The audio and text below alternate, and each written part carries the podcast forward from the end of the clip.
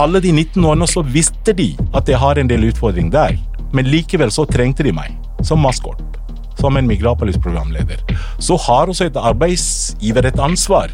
Hvor er, hvor er moralen? Jeg syns dette er en bruk-og-kast-mentalitet fra NRK. Det er så elendig journalistikk at det nærmest burde ha gått inn i komibøkene. vet du. And I want you all to know that we are fighting the fake news. It's fake, phony, fake, fake. Han jobba i 19 år i NRK før han plutselig fikk beskjed om at han ikke lenger hadde noe jobb. Så fulgte år med rettssaker, advokater og ellers hodebry. Og nylig avviste Høyesterett å ta opp saken. Nå forsøker han å legge det bak seg og se fremover. Velkommen til pressepodden i Medie24, journalist Rayan Chelia. Takk skal du ha. I 2017 fikk du den knusende beskjeden fra NRK Østlandssendinga om at du ikke hadde den nødvendige kompetansen, og at du var overtallig i en ny organisasjon. Siden den gang så har saken gått gjennom hele rettsapparatet, og dere tapt. Det skal vi komme tilbake til, men først noen ord fra våre annonsører. Pressepodden presenteres av Amedia. Vi når to av tre nordmenn hver eneste uke med vår journalistikk og våre annonser.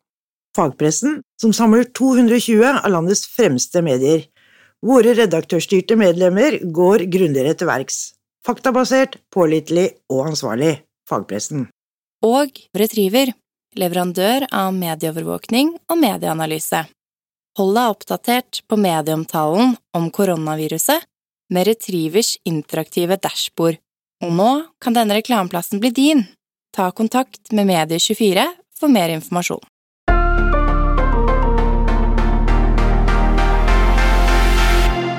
Rayan. Nylig avviste Høyesterett å ta opp anken fra deg og Norsk Journalistlag etter at du mista jobben i NRK. Nå er saken over.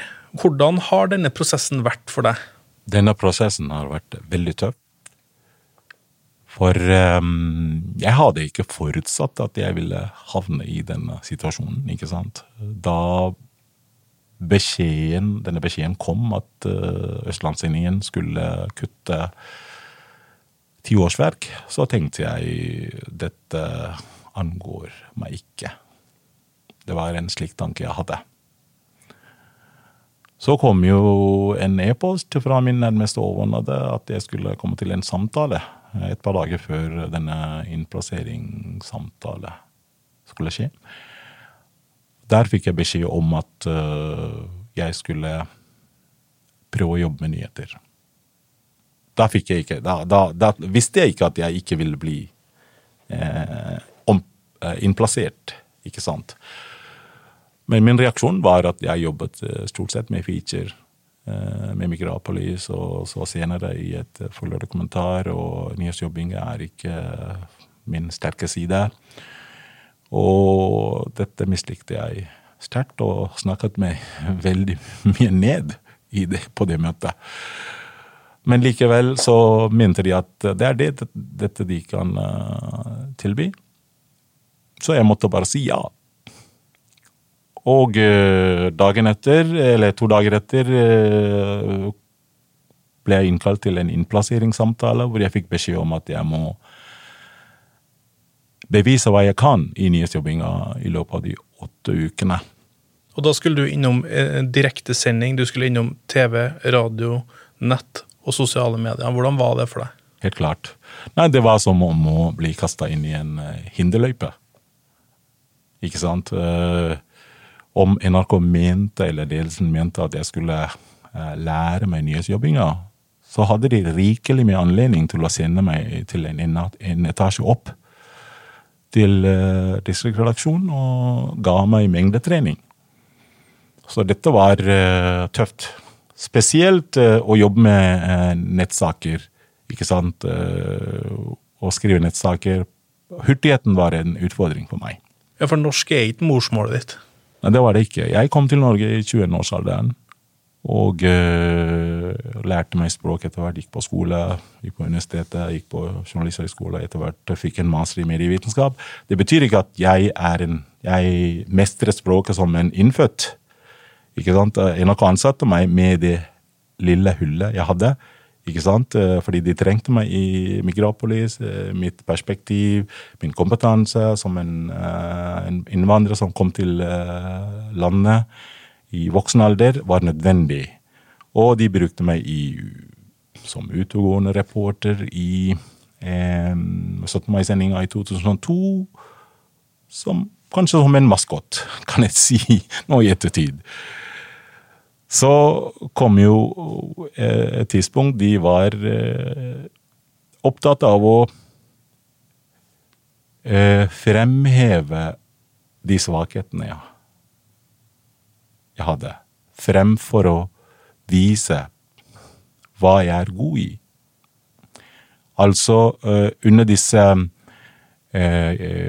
medarbeidersamtalene med min nærmeste overordnede, så fikk jeg veldig bra tilbakemeldinger. Det står også skrevet svart på hvit. Ja, for de, de ga deg aldri beskjed i løpet av de 18 årene eh, hva du mangla, hvilken kompetanse du ikke hadde, hva du måtte jobbe for å utvikle, eller hvordan var det?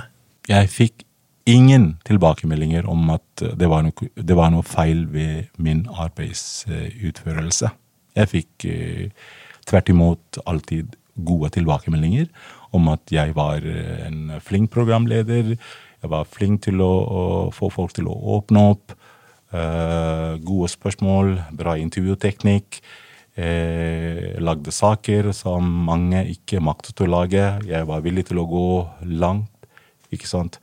Og så gode tilbakemeldinger. Jeg fikk aldri noen beskjed om at jeg var, det var noe feil med min kompetanse. Så kom jo et tidspunkt hvor de mente at min kompetanse ikke var tilstrekkelig for fremtidig NRK. Du sa til VG at eh, de hadde bestemt seg på forhånd at de ville bli kvitt meg. Hva mente du med det? altså under innplasseringssamtale så kom det fram ting.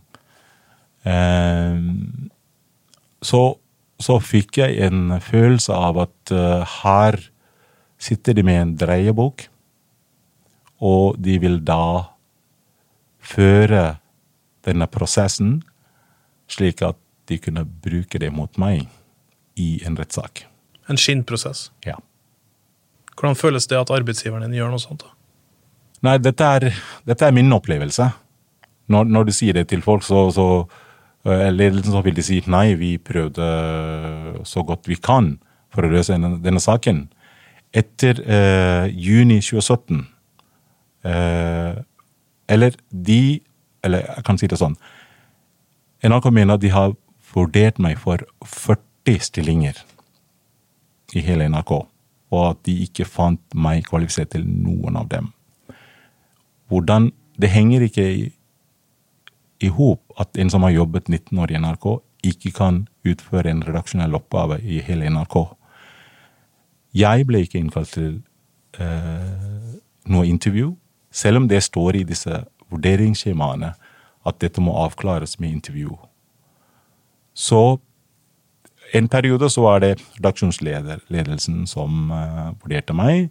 Etter en stund så var det administrasjonsfolk, eh, personaladministrasjon, som fylte disse vurderingsskjemaene, har jeg skjønt. Og, og, og hvordan kunne man skrive i et vurderingsskjema at jeg mangler kjennskap til presseetikk uten å ha snakket med meg? Det har skjedd. Og, og, og jeg mener det har vært en del saksbehandlingsfeil. Hvis jeg snakker eh, veldig detaljert, så er det litt dumt, fordi det er en del små detaljer eh, som du også må høre med NRK hva de eh, har å si. Eh, men jeg opplevde at denne prosessen har ikke vært eh, bra nok. Ja, For du tenker at nå skal vi bli kvitt Rajan. Her er de åtte ukene vi trenger for å bevise at han ikke duger. Ja, det var, det var de. På mitt ståsted, så jeg har en del styrke.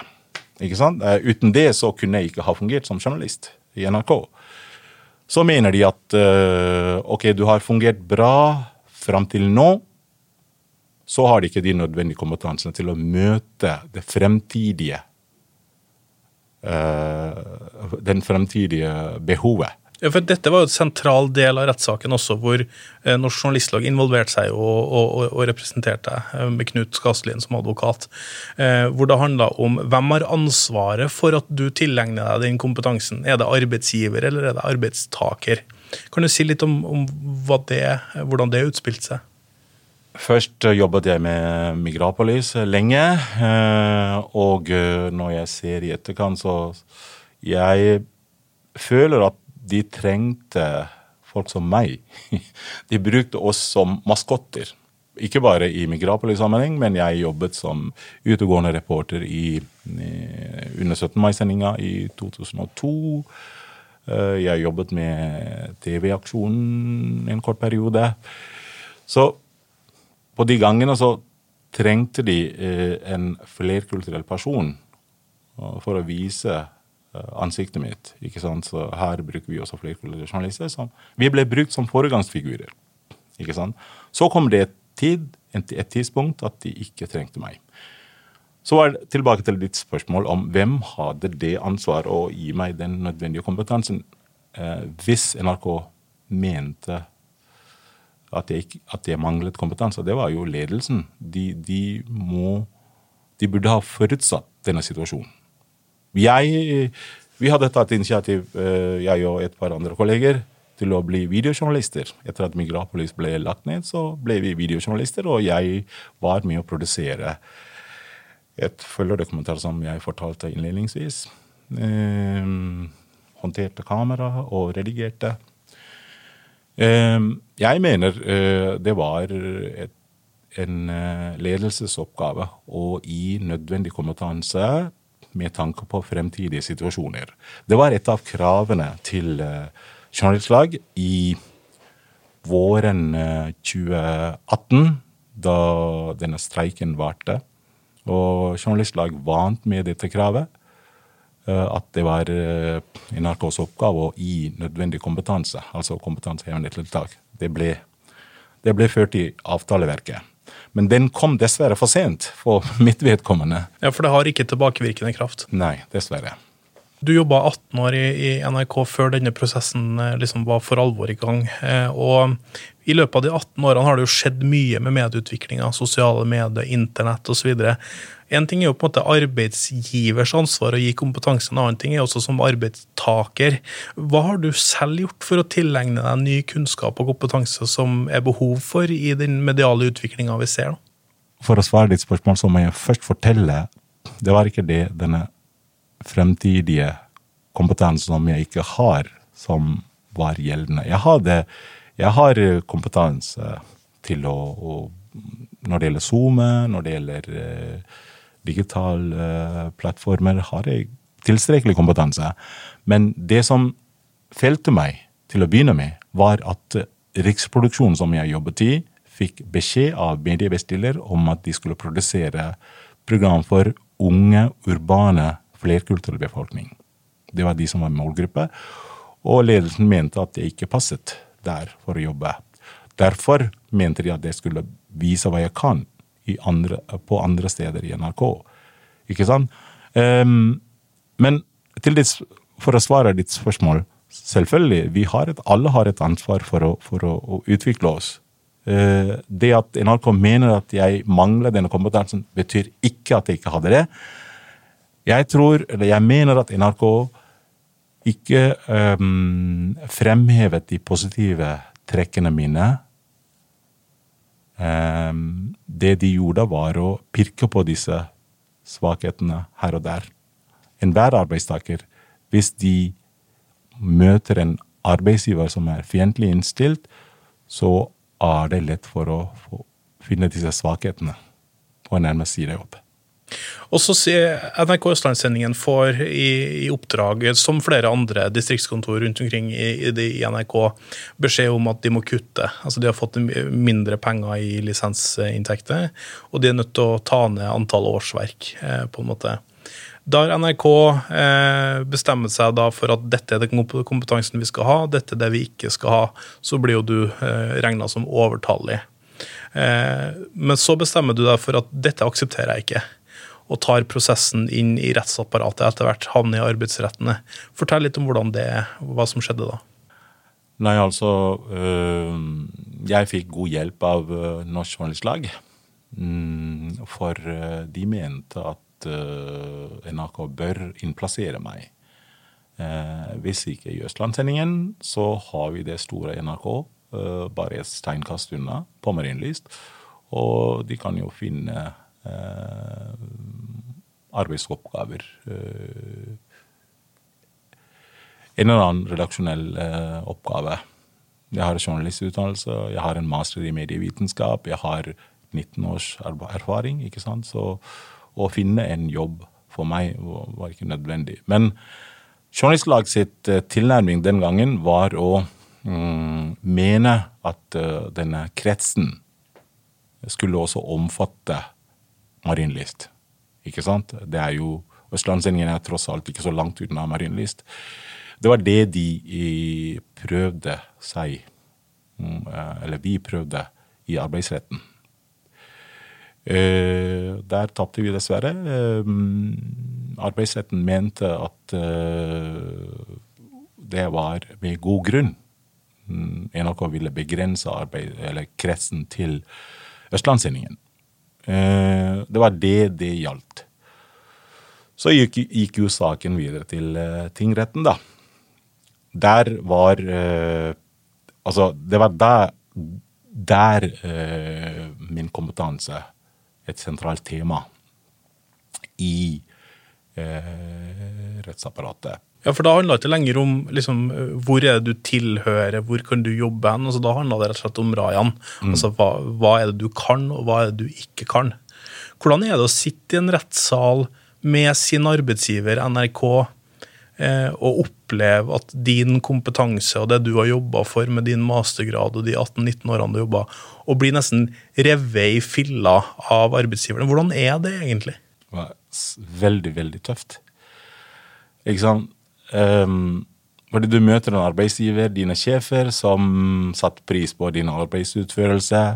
Plut plutselig sitter der i vitneboksen og mener at du er nærmest udugelig.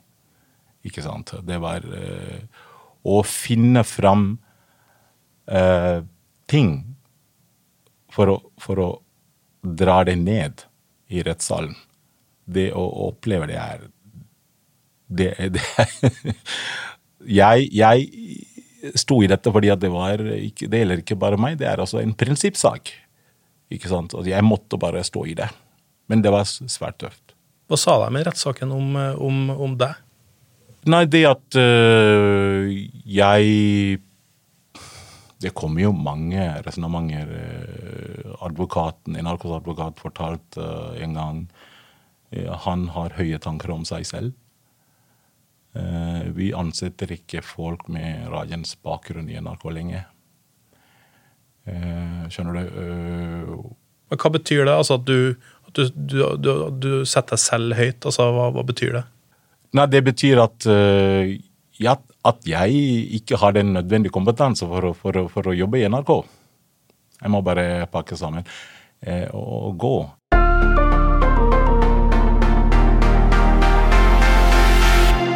Pressepodden presenteres av Amedia. Vi når to av tre nordmenn hver eneste uke med vår journalistikk og våre annonser. Fagpressen, som samler 220 av landets fremste medier. Våre redaktørstyrte medlemmer går grundigere til verks. Faktabasert, pålitelig og ansvarlig. Fagpressen.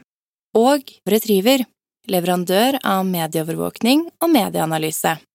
Hold deg oppdatert på medieomtalen om koronaviruset med Retrievers interaktive dashbord.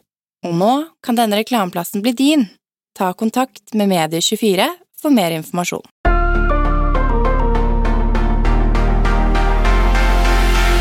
Men du sitter altså i, i, i arbeidsretten, tingretten, eh, og det blir jo anka til lagmannsretten, blir jo lang, altså forsøkt anka til Høyesterett, hvor alt handler om deg som person. Men for deg så er dette en prinsippsak som, som, skal, eh, som berører mange flere generasjoner framover. Eh, hvorfor var det så viktig for deg å dra gjennom denne saken, egentlig? Jeg prøvde å forklare her at jeg har en del utfordringer med å skrive fort eh, når det gjelder nettsaker. Det var jo en side av meg, det var en del av min, Eh, det, var, det, var, det var meg. Alle de 19 årene så var det helt greit. Men For du kunne jobbe med TV, du kunne jobbe med, med, med radio eller lyd og ja. Ikke sant? Og, og, og NRK kunne ha sett denne, mm, denne situasjonen fra mitt ståsted. Ikke sant? Jeg er ikke en hel norsk person som er født og oppvokst her, har gått på grunnskole og videregående skole. Og, og, hadde jeg gjort det, så hadde jeg kanskje havnet i en lederstilling i NRK nå. Men det var den lille um, det, det lille hullet jeg har, ikke sant. Eh, det var det de ville pirke på. Skjønner du? At han ikke skriver norsk fort nok. Men alle de 19 årene så visste de at jeg har en del utfordring der. Men likevel så trengte de meg. Som maskot. Som en Migrapolis-programleder. Så har også et arbeidsgiver et ansvar. Hvor er, hvor er moralen? Ikke sant? Altså, de vant fram i rettssalen, men moralt sett jeg har seiret, Den moralske seieren har jeg vunnet. Fordi jeg har mange kolleger der ute som mener at det var elendig personalpolitikk. At de burde ha funnet løsning til deg. Føler jeg er litt brukt? Ja, jeg syns dette er en bruk-og-kast-mentalitet fra NRK. Hvordan da? Nei, de, de trengte meg. Altså, jeg, mine perspektiv som en innvandrer som kom til Norge i voksen alder, og hva som skjer i de tusen hjem blant innvandrere og minoriteter. Min, min, perspektiv, min um, tilnærming altså, kompetanse var viktig for et program som Migrapolis. Det mitt ansikt var viktig for, oss, for NRK da jeg jobbet som utegående reporter i 17. mai-sendinga i 2002. Så kom jeg til 2017, så mener de vi, vi, var jo foregangsfigurer, ikke sant? Fordi at mange innvandrere der ute tenkte oi, jeg kan også bli journalist. ikke sant? Så plutselig kom en tid at uh, NRK ikke trengte meg. Skjønner du? Jeg mener ikke at jeg er udugelig. Jeg, jeg har mange, masse kompetanse som NRK kunne ha brukt. Men det NRK mente ville pirke på disse svakhetene her og der, brukte det til sin fordel og vant fram i rettssaken. Det, var, det, de, det NRK gjorde, var ikke ulovlig, men det betyr ikke at det var rettferdig. Og det var moralsk. Det er det som får meg til å føle meg bitter. Dere har tapt. Hvordan føles det? Jeg fortalte i stad at jeg er bitter, men det betyr ikke at uh, jeg lar denne bitterheten spise meg opp. Jeg vil ikke bruke energien uh, til det. Jeg, jeg, er veldig stolt av meg selv, fordi jeg har eh, vært veldig prinsippfast.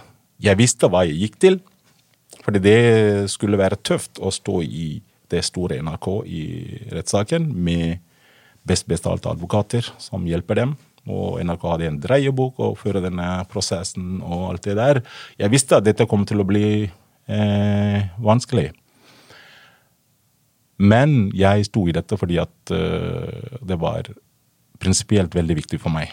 Om jeg hadde tatt imot sluttpakke og hadde gått uten å si fra, uten å ha sagt ifra til noen, så hadde jeg ikke sovet godt. Så egentlig er jeg glad for at jeg gjorde dette. Jeg, er, jeg sover godt nå, selv om jeg er bitter, fordi det var viktig for meg. Hva koster det for deg personlig å ha vært gjennom altså du, Det blir skrevet om det i VG, det blir skrevet om det i rikspressen, det blir skrevet om det i fagpresse. altså eh, Og, og det, det, det egentlig står altså Det står hele tida at NRK mener at du ikke duger. ja. Jeg mener, eh, når noen mener at du mangler kompetanse, det er veldig subjektivt, mener jeg. Jeg vet hva jeg er god for, og eh, folk der ute vet. Dette er Vi lever i en uh, tid hvor, uh, hvor arbeidsmarkedet er veldig tøft. Arbeidsgivere har for stor makt. Og når NRK mener at jeg ikke har kompetanse, så jeg, jeg, jeg, går ikke rundt og skammer meg for det. Fordi jeg vet uh, hva jeg kan. Så jeg er større enn NRK. Hva var det som gikk gjennom kroppen på deg når du forsto at Høyesterett, eller at ankeutvalget avviser Høyesterett? Selv om uh, denne saken har vært gjennom uh, tre rettsinstanser. Så hadde jeg et ørlite håp, fordi denne saken dreier seg dreide ikke seg Denne saken dreide ikke bare om meg selv. Det, var, det er en del prinsipielle sider ikke sant? eh, når det gjelder kompetansehevende tiltak. eh, Når det gjelder eh, det store NRK mot lille meg. Det var en ganske streng norm disse tre rettsinstansene brukte. Så det, det var en del prinsipielle sider som har også betydning for det øvrige samfunnet. Det var også en del prinsipielle sider som er viktig for samfunnet å få, få, få klarert. ikke sant? Det er derfor hadde jeg for, forventet at eh, kanskje ankeutvalget ville slippe den gjennom det trange nåløyet. Hvordan er det å få jobb eh, som journalist i Oslo når du er 58 år gammel? Arbeidsmarkedet er eh, tøft. Spesielt nå, nå som jeg er 58 år. Eh, jeg prøver eh, likevel. Eh, ikke bare journalistjobber, men også andre eh, jobber. Jeg eh, leter bredt. Eh, jeg har eh, kompetanse innenfor eh, integrering eh, og andre typer arbeid. Jeg har eh, store forpliktelser. Jeg er en familiemann med barn og kone som jeg forsørger. Og, så jeg må, jeg må stå oppreist og leite videre. Er det tøft? Det er tøft. Jeg, det, det at jeg sto i rettssaken, betyr ikke at jeg ikke gjorde nok for å få meg en annen jobb. Jeg har søkt tilnærmet 100 stillinger. Men eh, nei, jeg har ikke fått napp ennå. Men eh, jeg har eh, veldig mye kompetanse som er sikkert nyttig for mange der ute. Så jeg er håpefull Mm. og, og plasserer meg i riktig hylle et eller annet sted. Har du fått komme på noe jobbintervju og litt sånt, eller? Det har jeg. Mange. Eh, mange betyr eh, 15-16 stykker. Du har håpet på at eh, du i løpet av kanskje 2020 finner en ny jobb, eh, Rayan? Det er det som er mitt håp.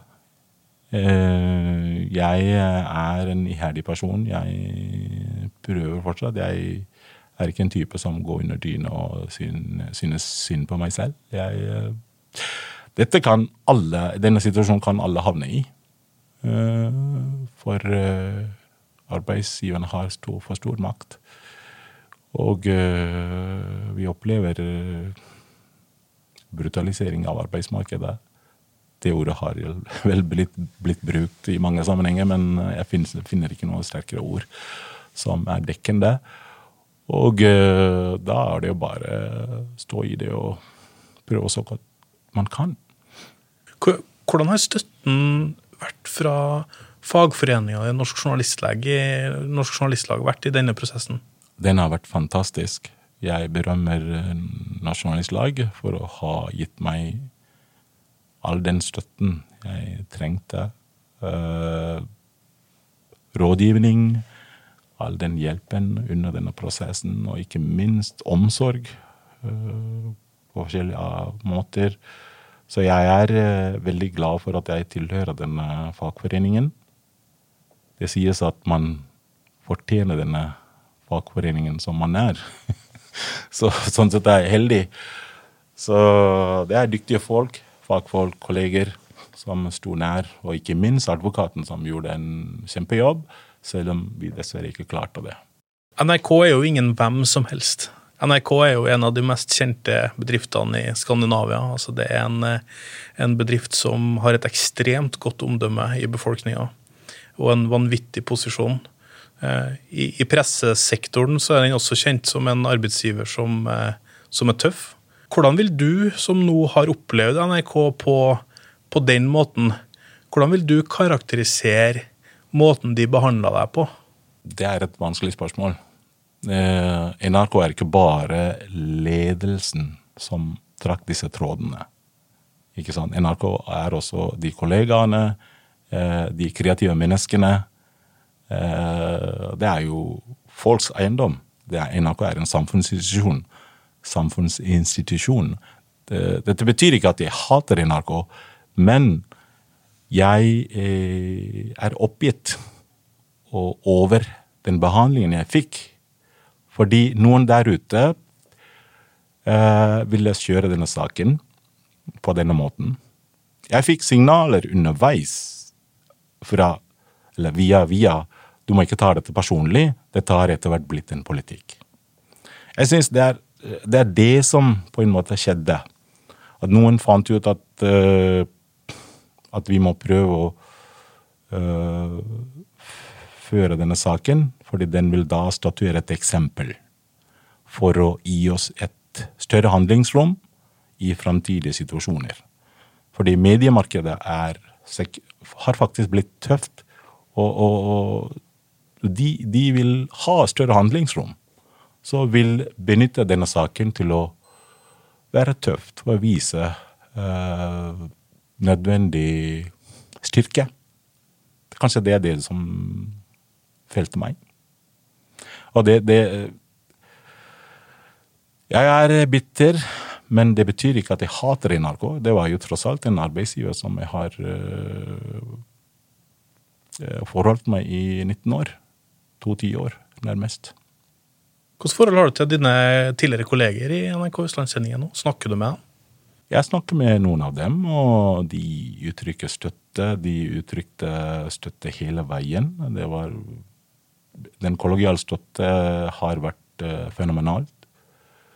Uh, så jeg, jeg, vil si at de, de, var verdens beste kolleger. Som sto meg nær og ga meg nødvendig støtte og oppbacking. Savner dem? Ja, det, det, må jeg si. Uh, det ville vært rart å si nei. Selvfølgelig. Jeg hadde et liv i NRK i 19 år og ikke sant uh, Bra kolleger. Sosialt, ikke sant. Så det, det er et stort savn, ja. NRK er en sånn type arbeidsgiver, jeg har selv jobba i NRK før, eh, som eh, du blir i jobben din. Fordi du der ute i befolkninga blir han som jobber i NRK, eller hun som jobber i NRK. For din del, som også har vært et veldig synlig ansikt utad for minoritetsbefolkninga, eh, har du kjent på det at du er NRK i den målgruppa som du på en måte Altså, Føler du nå at du har mista en del av deg selv? Det må jeg si ja til. Fordi det fordi du, du, har en identitet. ikke sant? Du kom på Riks-TV som programleder. ikke sant? Eh, så folk kjenner deg igjen eh, på gata og snakker om de programmene de, som du har laget, og den gir deg en identitet. Eh, så jeg, jeg Det betyr ikke at jeg savner det. Den ga meg en identitet, så havnet jeg i denne situasjonen som jeg må betrakte og ta inn over meg og gå videre.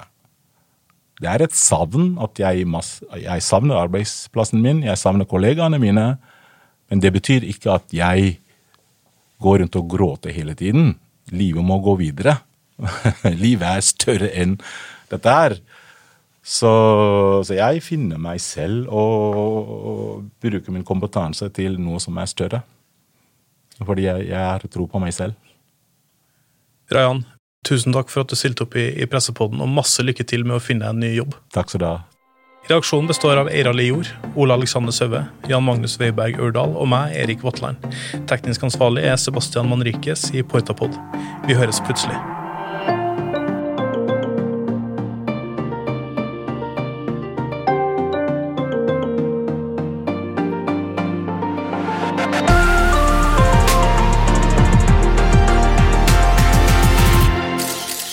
Pressepodden presenteres av Amedia.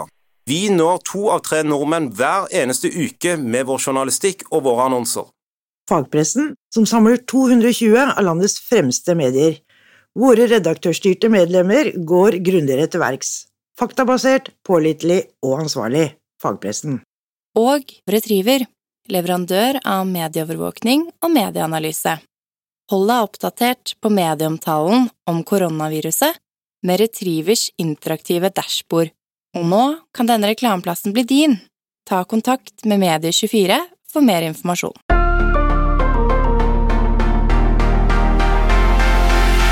I etterkant av denne podkastinnspillinga har NRK blitt forelagt eh, kritikken fra Rajan, og de sier i et tilsvar at sitat, vi har forståelse for at saken har vært krevende for de som har vært ramma av nedbemanninga. Saken har nå vært behandla i tre rettsinstanser som har gitt NRK medhold. Det var altså fra Jannike Engan i NRK.